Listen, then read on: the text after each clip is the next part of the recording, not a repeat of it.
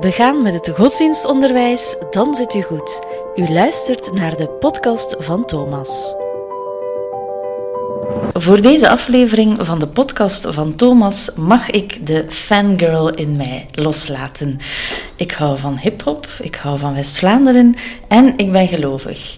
En deze combinatie vond ik terug in priester, leerkracht, godsdienst en rapper Matthias Noé. Dag Matthias. Hallo, goedenavond. Ja, wat een eer om uh, ontvangen te worden bij u.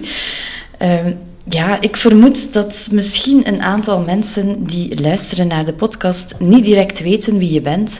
En ik ga ze dan doorverwijzen naar de show notes, waar ze de linkjes en al uw ja, mogelijke vindplaatsen online uh, te vinden zijn. Mm -hmm. Ik heb u leren kennen op YouTube uh, met een van je rapnummers. Kerstmis is daar. Mm -hmm.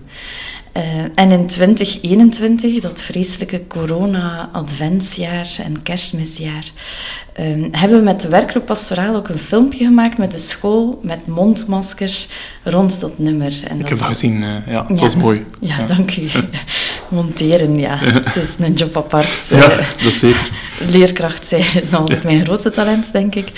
Um, en ik heb ook een taak gegeven aan leerlingen rond je rapnummer Nostalgie. Misschien later okay. daar nog iets over. Dus, uh... Maar goed, Matthias, jij bent ook priester en ondertussen al bijna tien jaar. Zou je graag met ons je roepingsverhaal delen? Ja, dat is geen enkel probleem. Uh, okay. Ik heb de hele lange versie, maar ik ga misschien de kortere versie vertellen. Uh, bij mij is het eigenlijk concreet begonnen in het zesde middelbaar. Dus ik ben gelovig opgevoed, maar zoals vele mensen denk ik, dat was samen met mijn ouders naar de kerk gaan, af en toe. Uh, en daar bleef het eigenlijk bij. Ik ben nooit misdienaar geweest, nooit geëngageerd geweest op een parochie of iets in die zin. Maar wel gevoeld van, kijk, dat doet mij wel deugd. Samenkomen met mensen om, om over geloof uh, bezig te zijn. Op een bepaald moment was dat helemaal verdwenen geraakt. Uh, en dan naar de laatste jaar van het middelbaar toe weer teruggekomen, dat ik wel wat nood had aan zingeving in mijn leven. Dus ik was eigenlijk op het moment dat ik uh, regelmatig naar de mis ging, maar daar bleef het bij. En toen heb ik op een bepaald moment, uh, op het moment dat je zo de studiekeuze moest beginnen maken, een uh, film bekeken, The Passion of the Christ, van Mel Gibson. Oh. ja, het was wel ja, een heel heftige film, ja. alleen omwille van de, het bloed en zo. Ja. dus die film maakte wel een enorme indruk op mij. Um, omdat ik, tot dat moment zei ik wel, en ik kwam er ook vooruit van, ik ben christen, ik ben gelovig. Maar als je dan eigenlijk ziet wat voor offer, of wat Jezus eigenlijk allemaal gedaan heeft, uit liefde voor de mens. En ik keek dan wat ik terugdeed als antwoord daarop, dan dacht ik, ja, ik denk niet dat Jezus al dat lijden heeft meegemaakt, opdat ik één keer in de maand naar de mis zou gaan. Ik vond dat zo'n flauw antwoord van mijn kant uit. En toen uh, ben ik eigenlijk heel snel beginnen nadenken, ja, ik wil eigenlijk heel mijn leven omgooien. Um, er was toen nog een website, priesterworden.be, en uh, je kon erop lezen van hoe je geroepen kan worden. En een van de mogelijke manieren was via een film. En dus ik dacht, oké, okay, okay. ik zit al safe, het kan. um, dan erover nagedacht, gepraat met vrienden, um, gepraat met ouders, ook uh, gepraat met de pastoor toen in Malen, waar ik regelmatig naar een mis ging. Uh, ook een bezoek gebracht aan het seminarie, om een keer te kijken hoe zit het aan elkaar, uh, al een beetje de, de sfeer opsnuiven en zo. Ja, het seminarie van Brugge. Ja, inderdaad. Ja. Toen zat iedereen nog in Brugge, nu is ja. het gecentraliseerd in Leuven. Klopt. Um, en eigenlijk een heel goed gevoel gehad, maar ik ik was op dat moment nog altijd aan het twijfelen over de, de rechtenstudies, omdat ik eigenlijk heel lang uh, dat zag als ideaal, uh, omdat ik wel graag allee, debatteer en ook politiek geïnteresseerd was en zo. En uh, ik had toen ook geen wiskunde meer, wat ook meegenomen was. Um, en toen heb ik eigenlijk, omdat iedereen wel dezelfde raad gaf, rechten gestart in Gent. Okay. Ik heb dat één jaar gedaan. Um, ondertussen wel af en toe gevoeld dat ik iets miste. En dan eigenlijk na dat jaar, um, tijdens het, stude uh, het studeren voor de herexamens, dan toch de klik gemaakt van kijk, waar ben ik eigenlijk mee bezig? Uh, ik voel dat ik eigenlijk echt iets anders wil doen. En dan uh, de stap gemaakt naar het seminarie. En de rest is geschiedenis. Wow. Ja. Dus je zei daar, iedereen raadde me iets anders aan. Ja. Voilà, dus er was eigenlijk bijna niemand of niemand die zei van kom aan, Matthias, dat is inderdaad echt een goed idee, dat mijn, is iets voor u. Mijn grootouders wel, uh, langs mijn vaderskant, want die zijn zeer gelovig. Um, maar voor de rest, zelfs de, de leerkrachten, ik had ook, de, als je het, het, blaadje moest invullen met de mogelijke studiekeuzes, en toen ging het korps daar feedback op geven. Ja. En ik had ook als tweede keuze uh, rechten, uh, als eerste keuze rechten en als tweede keuze groot seminarie genoteerd. En bij de rechtenstudie stond er zo als feedback, ja, goed, je kan dat, we geloven in jou. En bij de priesteropleiding stond er niets. En ik heb toen gevraagd aan mijn klastitulaar, zei, ja, eh, wat, wat gebeurt er daar? Ja, ja, we weten dat dat een flauw mopje is van u. eh, ja. Oh. Dat was zo'n beetje het idee. Eh, iedereen dacht dat het een grapje was. En Maar nu... pas, kijk, voilà. Ja. Het is wel een lange grap. Ja, Ja. ja. Ehm, natuurlijk, je bent jong, 32. 34 Ah, bijna. 34, ja, ja. kijk. Ja. Maar in de kerk blijf je jong, lang ja, jong. Ja, wel. Ehm, en je staat ook in het lyceum in Ieper. Hoe reageren leerlingen op u? Want u ziet er... Ja, flamboyant is niet het woord, maar je, ja, je straalt hipheid uit, als ik het zo mag Ja, zeggen. Ik ben een fangirl, dus ik ben ook niet, Ja, niet zo ja. helemaal objectief. Ehm, hoe reageren de leerlingen dan op u? Ehm, over het algemeen, ehm, het eerste jaar reageerden de leerlingen eh, allee, positief verrast zo, eh, en geïnteresseerd, omdat ik ben natuurlijk een nieuwe leerkracht en ik woonde nog niet in Ieper, dus ik was door niemand gekend buiten die filmpjes en zo. Eh, maar ondertussen, doordat ik ook vormheer ben, en, en dan kom je ook al leerlingen tegen in de lagere jaren die naar het lyceum moeten gaan, eh, is het wel zo, dat je zo meer, hoe moet ik zeggen, al gewoon, snap je, de- het, het nieuwe is er vanaf. Ja. En mensen kennen u ook vanuit andere omstandigheden. En dus in die zin is het wel... oh, eh, het is altijd een positieve start. Het is altijd fijn om, om de lessen te, te starten. En dan in de loop van het jaar eh, ja, loopt dan de ene klas beter dan de andere. Maar er is wel altijd eh, een positieve interesse Ja. ehm, voor, voor het verhaal. En, en, en ja, hoe ik dan ook in het onderwijs ben terechtgekomen en zo. Ik leg altijd een beetje uit in het begin van het schooljaar. Mhm. En dan lukt dat wel om samen op weg te gaan. ja. En hoe ben je in het onderwijs terechtgekomen? Ik wou dat eigenlijk al doen van het begin van mijn priesterschap. Ehm, wij, wij moeten vanuit de opleiding ehm, lesstages doen. Dus dat was ook in het lagere onderwijs, in het middelbaar onderwijs. Ik heb ook een maand ehm, lesstage gegeven in dan klein seminarie in Roeselaar en Vabi ook eh, een, een Ja. deel. Dus omdat ik het ook graag deed, eh, heb ik ook gevraagd om dat meer te mogen doen in de opleiding. Maar toen kreeg ik eigenlijk op het moment dat de priesterwijding in aantocht kwam, de boodschap van ja, de deur naar het onderwijs is bijna helemaal toe. Met, met allee, het ontstaan van schoolgroepen en zo is het eigenlijk heel moeilijk om nog ehm, vanuit de kerk eh, een, plaatsje te reserveren voor een, een, eh, priesterleerkracht, was de boodschap. Dus ik heb er uh, even zo ja, op mijn tanden moeten bijten, want eh, als je iets graag doet en je leert Ja. het graag doen, en dan krijg je te horen, ja, het zal wellicht niet lukken. Dat was wel een teleurstelling. Eh, maar uiteindelijk dan toch ehm, voorzichtig weer wat goesting gekregen en Ondertussen is ook heel het eh, onderwijsveld veranderd. Is er eh, plaats te over. En toen heb ik nog een keer bij het BISOM aangeklopt. Mag ik toch lesgeven? Dat is dan be- begonnen met een heel beperkte opdracht ehm, bij leerlingen met autisme, ehm, waar ik een paar uur les mocht geven. Al, en dat was wel ook een goede eerste start. Niet Eh, evident. Nee, niet evident. Zeker niet. En ik gebruik ook nogal veel zo humor en, en steken in mijn les. En dat, ja, dat kan je dan eigenlijk niet meer doen. Nee. Eh, dus toen heb ik ook de, de boodschap aan het BISOM gebracht. Maak eventueel een, een uitgebreider lessenpakket. En ehm, ja, dan eigenlijk via eh interim opdrachten en zo hier in Ieper terecht te komen. En er was plaats in het lyceum vrij. En ik heb toen gesolliciteerd. En ik werd aanvaard. Ja. Oké. En je bent daar nog steeds? Nog altijd, ja. Eh, hoeveel jaar al op dezelfde Eh, school? het is nu het derde schooljaar, ja. Ja. En ondertussen ook verhuisd naar Ieper. Dus het is ook Ja. wel gemakkelijk nu. Eh, Ik kan te voet naar school en, en eh, het is wel een ideale combinatie. eh. Ja, want je bent ook medepastoor, pastorale eenheid, onze lieve vrouw van Vrede, dus regio Ieper. Ik denk dat jij een enorm drukke agenda hebt. Hoe ziet zo'n Ja. gemiddelde schooldag en een gemiddelde weekenddag er Ja. voor u uit? Ehm, ik geef 12 uur les. Dus ehm, mijn lesuren zijn behalve de woensdag iedere keer in de namiddag georganiseerd, zodanig dat ik, als er uitvaarten en zo zijn, kan bijspringen bij de collega's. Dus in de namiddag is het lesgeven. Ehm, voormiddag dus eventuele uitvaarten of, of eh, ja, andere ehm, afspraken met, met parochiale medewerkers dan. En dan s'avonds ja, vergaderingen, kerkfabrieken opvolgen, eh, lessen voorbereiden, taken en toetsen verbeteren. Podcasts opnemen. Ja, komt er ook bij, eh, maar met graagte, dat is geen probleem. Ja, het is wel een druk leven. Ehm, ik, heb, ik heb ook niet echt meer een vrije dag, doordat ik in het onderwijs sta. Want anders, als pastoor, kon ik zo zijn, die dag doe ik niks. Mhm. En ik hield daar ook trouw aan. Nu doe ik eh, wat meer eh, dan, dan vroeger. Maar ik doe het ook heel graag. En eh, het, het is fijn om te doen. En ik denk dat het ook belangrijk is, als je dan veel werkt, moet je ook zorgen dat het toch een beetje een aangenaam werk is. En dan heb je ook minder nood aan hobby's en vrije tijd. En, dus het gaat wel. Een typische dag kan ik niet beschrijven, dat is heel variabel. Het enige dat constant en voorspelbaar is, is het onderwijs. En al de rest is afhankelijk van uitvaarten, huwelijken, dopen. Ja, het is, het is allemaal een beetje niet echt in eigen hand. Ja. Maar, Je bent een inspirerend figuur. Zijn er al leerlingen die bijvoorbeeld door jouw godsdienstwetenschappen zijn gaan studeren? Of eventueel ook eh, ja, neigen naar een priesteropleiding? Het is natuurlijk, ik geef les in het eerste en tweede middelbaar. Ah ja, dus het is oké. in die zin ehm, is dat de start van de, schoolcarrière. Ehm, ik heb ook eh, korte interims gedaan in de oudere jaren, waar je dan inderdaad wel merkt dat je op een veel dieper niveau met leerlingen kan praten. Het gaat dan ook over veel eh, actuelere thema's, eh, zoals abortus en euthanasie en zo. Dat passeert dan in de hogere jaren. Ehm, nu zijn er nog geen leerlingen van mij afgestudeerd, dus we gaan het Mhm. Ah, ooit wel ja, horen. Maar ik weet wel, bijvoorbeeld de, de jongerenwerking die ik had in, in eh, Izehem, zijn er wel een aantal leerlingen, oh, jongeren toen, die wel nog ehm, daar regelmatig met geloof bezig zijn. En ehm, ook eh, allee, langzaam volwassen worden. En ik ben wel blij om te zien dat er toch een bepaalde geloof en impact blijft. Ja. Dus dat is wel fijn om te, te merken. Ja, ik denk dat dat zeer inspirerend kan zijn, want ook je hebt een vorm van coolheid, zeker ook met je rapmuziek dat je maakt. Maar je hebt ook de keuze gemaakt voor een Romeinse boord. Vaak als mensen dat zien, gaan ze misschien zelfs toeklappen, omdat dat eerder verwijst naar wat ja, traditionele... Ja. Eh, ik merk eigenlijk ehm, die reactie helemaal niet. Eh, ik heb de enige negatieve reactie die ik ooit gekregen had, eh, was van oudere collega's of, of die, die daar helemaal een statement tegen maken.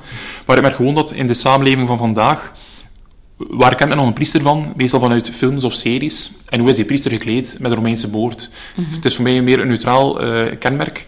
En ik vind het ook belangrijk om... eh ik kan er ook kiezen zo'n klein kruisje, maar dan moet je zo al zoeken, waar is het kruisje? Is het de priester of is het een lekengelovige die een kruisje draagt? Ja. Ik vind het allemaal allee, nodeloos verwarrend. Nu weten mensen, kijk, dat is een priester, of aan mijn baard hangt er nu vaak voor me, ja, dan neem ik daar ook bij. Maar ik vind het belangrijk om aanspreekbaar te zijn, en als je ergens bent op een plaats waar mensen je niet kennen, dan zien ze, kijk, dat is een priester. En eh, als ze willen eh, die priester uitlachen, kunnen ze dat ook doen. Maar als ze zeggen, we hebben nood aan een wat serieuzer gesprek terwijl we wachten op de trein, dat kan ook allemaal. Ja, ja, ja. Eh, mooi. en nu, want je bent priester, maar ook eh, muzikant, rapnummers eh, maak je. Je hebt er ondertussen al, ik zei professionele, maar je verbeterde Ja. me semi-professionele. Ja, het Maar goed, Eh, het staat op Spotify ook, zijn nummers. Is er een droom om een plaat uit te brengen? Nee, eigenlijk niet. Ik werk eigenlijk bewust zo van gewoon nummertje per nummertje. Omdat dat dan een van de weinige hobby's is die ik heb. En als je dan jezelf weer zo deadlines oplegt, of van ik wil per se dat bereiken, dan wordt het weer ja, een extra to-do op de, de lijst die al vol genoeg is. Ja. Dus ik doe het eigenlijk als er inspiratie komt, of als ik tijd heb. Ehm, vroeger, in het begin, was dat heel snel, want er zijn veel onderwerpen waar je aan denkt en die je dan wil, wil eh, ja, behandelen. Eh, nu is dat een beetje meer ad hoc. Eh, want allee, ik heb over kerst, ik heb over Pinksteren, ik heb het allemaal zo'n beetje gehad. Nu is een beetje kijken, eh, wat leeft er in school, wat leeft er onder de leerlingen. Eh, Ik ben nu bezig met een nieuw nummer. Het doel is altijd nu, sinds vorig jaar, om per schooljaar één nummer te maken. Ja. Om dan met, met de leerlingen ook een clipje op te nemen en zo. Ja. Ehm, dat is voor het schooljaar voor het eerst zo gegaan. Ik heb het wel gemerkt, er komt er ook heel veel drukte bij kijken, bij het maken van die clip en zo. Dus ik ga gewoon één nummer per schooljaar. en, en de omkadering zien we dat wel, hoe het Ja. loopt. ja. Ja. Je verwerkt ook heel veel religie, als ik zo mag zeggen, in je nummers. Is dat bewust? ja, dat is ook de, de enige reden waarom ik het doe. Ja. Ehm, er zijn duizenden onderwerpen om, om een lied over te maken. Eh, maar dat gebeurt al door andere mensen. En dan denk ik, eh, als ik dan toch iets doe, ben een priester, ben een christen, wil ik dat ook op een bepaalde manier in mijn liederen verwerken. En ik probeer toch altijd minstens een positieve boodschap eh, te brengen. Ehm, soms heel specifiek gelovig, dat ik ook echt God en Jezus erin vermeld. Eh, maar mijn voornummer was meer, denk ik, gewoon een, een positieve boodschap zonder eh, specifiek het christelijke verhaal eh, letterlijk te noemen, maar het is wel op de achtergrond aanwezig. Over welk nummer eh, heb je het nu? KAF was nu het laatste Ja. nummer, Ja. dus samen met, met leerlingen wat uitgewerkt. Ehm, en daar komt gewoon op neer van ja, wees jezelf, trek niet te veel aan van wat anderen zeggen. En het nieuwe nummer dat in de maak is een beetje allee, wat dezelfde insteek, ehm, maar eerder van ja, er is heel veel, ehm, ja, heel veel taken die mensen van ons verwachten, eh, to-do's. En, en je moet op school je best doen. eh, thuis, als je partner hebt, verwacht je ook van alles van u. Uw baas op je werk verwacht van alles om er ook een beetje een evenwicht in te zoeken. Ik denk dat het ook een grote uitdaging is van deze tijd. Want als je niet oplet, ben je gewoon elke dag bezig ehm, met het doen van, eh, allee, of beantwoorden van vragen van anderen. En dan, ja, op een bepaald moment kom je toch tot besef van, wat heb ik eigenlijk allemaal gedaan de voorbije jaren. En, ja, ik wil dat vermijden. Ja, mhm. iedereen denk ik. Gebruik je ook je nummers in uw lessen? Ja, maar eh, niet geforceerd. Eh, ik ben eigenlijk... Ja, ik denk, veel leerlingen zijn, veel leerlingen zijn ook op dat vlak verrast. Ehm voor het, mijn, mijn kerstrap, ik loop daar niet mee te koop. Ja. Dus ook als het op de speelplaats, spla- speelplaats gedraaid wordt, tijdens de vrijdagmiddagpauze, is er zo een radiomoment. Dan lopen we meestal naar binnen Ja. tot het nummer voorbij is. Ehm, maar voor het kerstrap komt van pas in de cursus. Ehm, ik heb ook een, een, een kort, eerder amateuristisch rapje dan over Pasen. Komt ook aan bod in de cursus. Dus als het echt ehm, vanuit de les ehm, gepast is, doe ik het wel. Maar ik ga niet zo van, eh, kijk wat ik gemaakt Ja, heb. ja. ja. En Ja, volg nee. me nu allemaal. Ja, maar nee, nee, nee, zeker niet nee. ook. eh, ja, nee. Nee, nee, nee. En welke opdrachten geef je dan Ehm, bij je nummers? Eh, de nummers zijn niet altijd gekoppeld aan opdrachten. Soms is het ook gewoon een lesopener van uh, beluister een nummer, ehm, bekijk de tekst, zijn er dingen die je aanspreken of die je niet aanspreken. Ik geef ook altijd die kans Ja, aan de ja. leerling. En ik eh, ben nu wel zo eh, wat filmpjes aan het maken om de toetsen wat eh, op te leuken. met zo ex-leerlingen die dan zo wat, ja, zo'n POV-filmpje, ik weet niet of je dat kent, dat je zo ja, Ja, moet ja, keuzes maken. En, en point of view. ja, daar probeer ik dan de leerstof ook aan te koppelen. Dus ik probeer wel de, de lessen wat aangenaam te maken, maar altijd ook ehm, allee, doelgericht. Want anders kun je zo van alles erbij betrekken om het leuk te maken. Mhm. Maar je moet ook toch je les doen en zo halen. Ja. klopt. Natuurlijk, eh, rapmuziek, eh, zeker West-Vlaanderen, staat er ook wel bekend voor. Dat is de kracht van verhalen, denk ik, als ik eh, aan rapmuziek denk. En hoe zie jij de kracht van verhalen? Hoe gebruik je dat in je leven? Inderdaad, we hebben die rap, die, die muziek die u maakt. Zit dat ook in uw preken? Eh, Ja, ik denk eigenlijk het, het verhaal dat, dat altijd terugkeert, is gewoon het, het christelijke verhaal. En uiteraard is het ook heel breed, dat kan je daar allerlei aspecten uit belichten. Maar voor mij het belangrijkste is, op het einde komt het allemaal goed. En dat vind ik het schoonste van al, want uiteindelijk, de Bijbel staat ook vol met verhalen die helemaal niet vol roosgeur en maneschijn eh, zijn. Integendeel, eh, er is heel veel miserie. En dat vind ik ook goed, want dat maakt het ook een geloofwaardig verhaal. Weet je, als de Bijbel zoiets zou zijn van de Zoon van God, die een perfect leven leidt en altijd gelukkig is, en je komt in de hemel terecht, dan denk je, ja, zie ons hier ploeteren. Ja, ja. De, nee, maar de Zoon van God, zelfs Gods eigen Zoon, heeft alle miserie meegemaakt die een mens kan meemaken. Hij is verraden door zijn beste vrienden, eh, gekruisigd als een misdadiger. Miserie, pijn, verdriet, heeft het allemaal meegemaakt. En toch kwam het goed. En dat vind ik een enorme troost. En ik herhaal dat ook heel vaak, denk ik, in mijn preken of toch op het einde. Van kijk, hoe moeilijk het ook gaat, we hebben toch altijd die troost. Jezus heeft het ook meegemaakt. En het kwam goed. En dat vind ik dan ook een reden om hem te volgen en proberen zo in het leven te staan. En uiteindelijk is dat ook iets dat je probeert te doen. In, in mijn lessen ga ik dat niet zo letterlijk zeggen, want ik zei het zo, ja, 12, 13-jarige leerlingen, moet je daar ook niet zo overvallen met theologische inzichten. Maar ik probeer het vooral heel ludiek en, en, en eh, ja, luchtig te houden, om ook duidelijk te maken van, kijk, eh, je mag je amuseren in het leven, en eh, tegenslagen kan je niet kiezen, die komen eraan. Maar probeer ook hetgeen waar je wel kan over kiezen, ja, eh, probeer dat een beetje ja, positief te houden en je te omringen met positieve mensen. En eh, ik denk dat ook eh, de kracht is van de christelijke boodschap doorheen alle eeuwen heen. Ja. En zijn er specifieke bijbelverhalen die een impact hebben op uw leven? Ehm, wie mij wel altijd ehm, inspireert, maar dat, is een allee, een moeilijke figuur natuurlijk, de, eh, Paulus heeft ook veel, veel dingen geschreven die wat minder gemakkelijk in de oren liggen in deze tijden. Maar ehm, ik vind wel zo het, het radicale in de goede zin van het woord. Ehm, uw leven durven geven voor een overtuiging. Ook geen schrik hebben om, als u fouten maakt, daarop terug te keren. Want Paulus heeft echt ja, een zwart-wit verhaal eigenlijk. Eerst eh, de christenen vervolgd eh, en, en, en uitgesloten, dan zelf christen geworden. En, en uiteindelijk eh, komt het ook bij hem op een bepaalde manier allee, goed, maar dan natuurlijk op een pijnlijke dood. Maar ik vind het wel goed om herinnerd te worden aan figuren die niet lauw in het leven staan. En vandaag hebben heel sterk de neiging, en, en ook begrijpelijk, we hebben als kerk een, eh, een heel nederige positie, ook door alles wat er gebeurd is in de kerk. Eh, en ook terecht, eh, alleen een beetje nederigheid kan geen kwaad. Maar ehm, de, de christelijke overtuiging moeten we ook wel nog durven allee, christelijk naar buiten te brengen. En, en het christelijke verhaal is meer van allee, doe goed en wees vriendelijk. Ja, goed, ook niet gelovige mensen proberen denk ik zo in het leven te staan. Ik vind dan het unieke is uw leven geven, ja, uitkomen voor uw idealen en die op een respectvolle manier ook aan de wereld tonen. En ik denk dat dat het enige verhaal is dat kan een beetje enthousiasme wekken. Want eh, ik denk dat we soms iets te veel als christen zeggen van ja, we zijn allemaal goed bezig, doe maar wat je wil en, Ja. en God, Ja. God vergeeft u wel. Dan denk ik, ja, als je tegen iedereen zegt, je bent goed bezig, ja, waarom heb je de kerk dan nodig? Doe dan verder zoals je bezig bent. En we kijken wel toe vanuit de zijlijn. Ja, ja, klopt. Eh 14 februari begint de vasten. De podcast eh, wordt gepubliceerd in februari. Is er een nummer van u dat je zegt van, kijk, hier kunnen we misschien iets mee tijdens de les? Ik heb ooit, eh, dat was eigenlijk mijn heel eerste rap, was eigenlijk een vaste rap a cappella. Ja, en die is toen eigenlijk toevallig opgepikt geweest door de plaatselijke pers. En zo heb ik dan eigenlijk uh, de producer leren kennen en, en uh, videografer en zo. Um, dus dat, daar is hij mee begonnen. Um, maar ik denk... En wat is de titel van het nummer? Oh, ik denk dat zelfs... Uh, het stond op mijn Facebookpagina. Ik denk niet dat het nog ergens online staat. Het is gewoon vast een rap. En dat is echt amateuristisch okay. opgenomen met mijn cameraatje.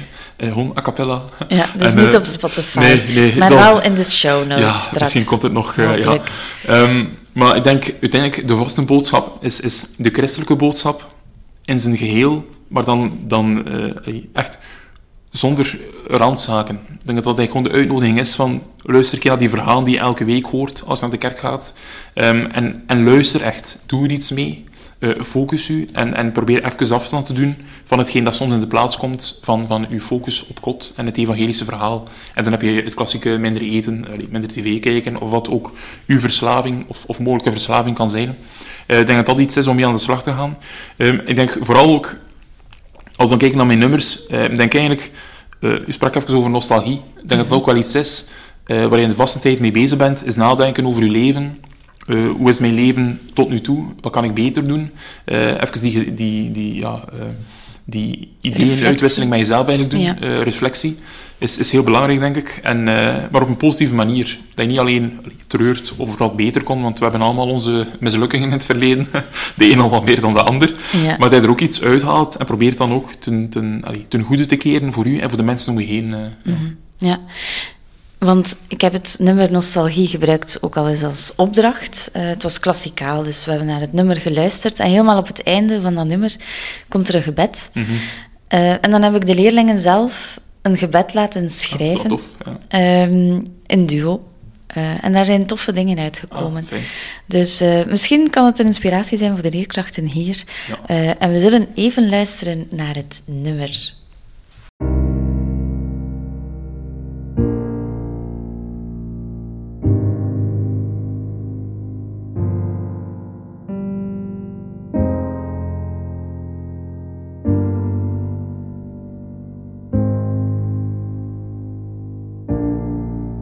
Alles gaat voorbij. Het is een levensles, niet in het meest voor mij. Maar veel te vaak houd ik vast, ook al wil ik niet. Aan het verleden, meer aan het heen met melancholie. Spin niet zo spart overval me met nostalgie. Als ik stil vallen in mijn zetel na een werkdag. In het moment dat ik beter in mijn bed lag. Al te wereld gaan slapen, de man begint te wachten. Ik de stilte kan een smaak, toen is vandaag. Opeens ik kan vroeger al die jaren van mijn jeugd. Allemaal al lang vervlogen, maar die jaren die een deugd. Die jaren dat uw ouders zijn geniet, maar nu dat kan. Die jaren dat je om bezig ken er niet van. Want al die volwassenen die zeggen dat het gemakkelijk is. Prijs uw gelukken, want je weet nog niet wat werken is. Wat zit je toch te klaar van uw taken en uw fijn? Wacht maar tot dat je ouder en zorg maar aan echt beginnen. En testen vindt, het is allemaal waar. Wanneer je nu weer pees, dan toont het is klaar. Al die goede jaren die nog te wachten stonden. Wel, die goede jaren vindt, die worden tom.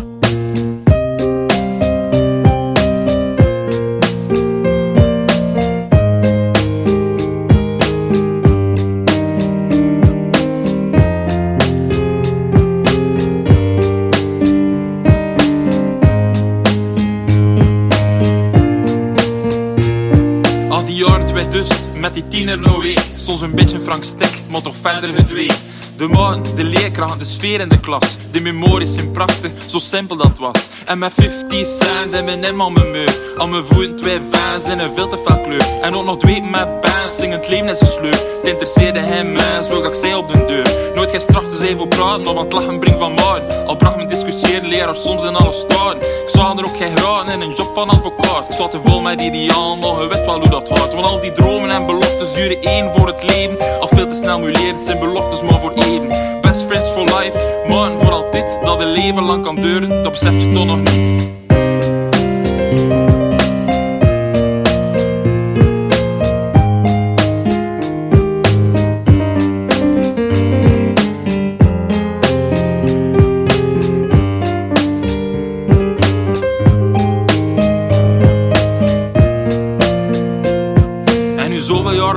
Is het anders het gedraaid. Zit er hier geen advocaat, maar wel een pasterke verdraaid.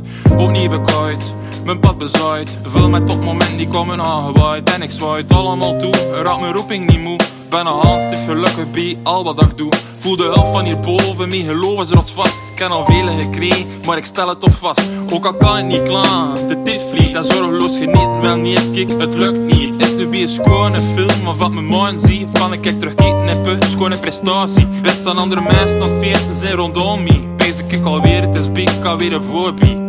Ja, ik weet dat het leven nu is niet alleen zoiets zo straks. Dat de waarheid soms ook cru is, soms ook de max. Maar de cirkel is visieus, want ik heb blijkbaar geen keus. Vroeger droomde ik over nu en nu is nostalgie de leus. Stond het oog te veel naar morgen, nu de blik op het verleden. In alle gevallen opnieuw te weinig aandacht voor het heden.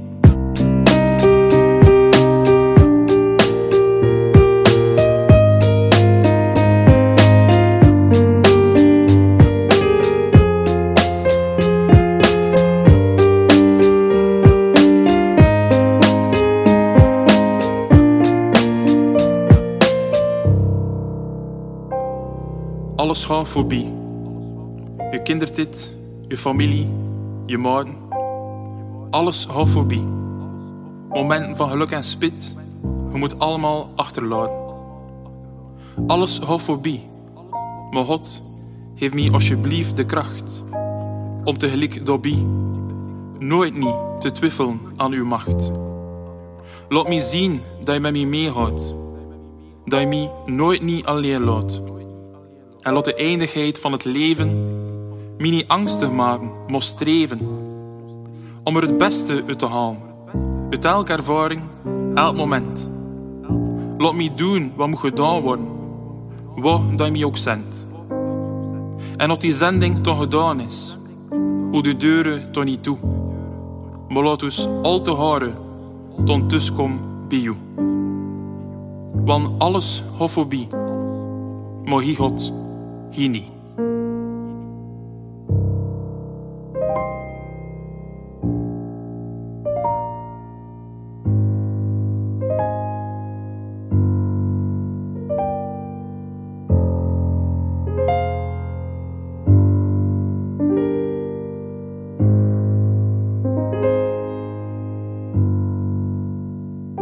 Alles gaat voorbij, maar genie. Prachtig. Uh, heel eenvoudige zin, maar uh, ja, die, die raakt mij wel. Zijn er zaken in het nummer Nostalgie dat je anders zou schrijven of zou weglaten nu eventueel? Ja, ik ben wel. Um, ik heb wel de neiging om zo. Ik het ook als ik preken schrijf, om uh, als ik kijk naar het leven of het verleden, om vooral het dramatische te benadrukken. Van kijk, wat er allemaal gebeurd is, wat er allemaal kan mislopen, maar toch komt het goed. Ja, ja. Terwijl dat veel mensen ook zoiets hebben van ja, het was ook goed. Ja. Maar ik ben, zoals het nummer ook zegt, dat is ook een nummer dat ik moet schrijven. Dat is ik, denk ik, meer voor mezelf geschreven Mhm. dan voor andere mensen, omdat dat ik er even op mijn hart moest. Uh, ik ben een heel nostalgische mens, ik ben er ook wel in gegroeid, ook door in het onderwijs te staan. Want uiteindelijk, leven het is eigenlijk Mar de Bel die eigenlijk een prachtige zin heeft geschreven, ook uh, in het boek uh, Meester Pluim en het uh, Praatpoeder. Op een moment staat er, leven is afscheid nemen, maar je moet er vrolijk bij blijven. Ja. En dat vind ik zo mooi. uiteindelijk, ook in het onderwijs, ieder schooljaar heb je nieuwe leerlingen, je gaat op weg met mensen, je ziet ze veranderen, en op het einde laat je ze weer los. Ja. En dat is eigenlijk een beetje wat het leven is. Iedereen om je heen is even of lang een passant in je leven. En daar moet je dan proberen ja, je bijdrage in te leveren, maar tegelijk beseffen, ja, die mens is niet van mij, die gaat weer weg op een bepaald moment. Allee, het zij door de dood, in een heel extreem geval, ben je weer dramatisch aan het worden. Ja. Of gewoon doordat ze in een nieuwe levensfase zitten. Uh, dus op een bepaalde manier denk ik wel, nostalgie had ik iets positiever kunnen schrijven. Want terugdenken aan het verleden kan ook een kracht zijn en zo. Um, maar ja, op dat moment was het even iets dat ik zo moest van mij afschrijven. Een ei dat ik kwijt wou. Ja. En het is nu kwijt. Ja. Oké, okay, goed. En dus ik hoop dat het opgepikt wordt door de leerkrachten die hier luisteren. En ja, eventueel ook hun leerlingen op die manier uh, ja, vol vuur en vlam zetten. Dat is mooi. Mijn laatste vraag. En dan laat ik u terug over in de armen van uw drukke agenda. Prima. Zou jij dezelfde levens, levenskeuzes maken? Ja, ik, dat is wel een vraag. Dus inderdaad, ik nader mijn tien jaar uh, priesterschap. Mhm. Dan ben je al een beetje na te denken over de periode die, die, die gepasseerd is.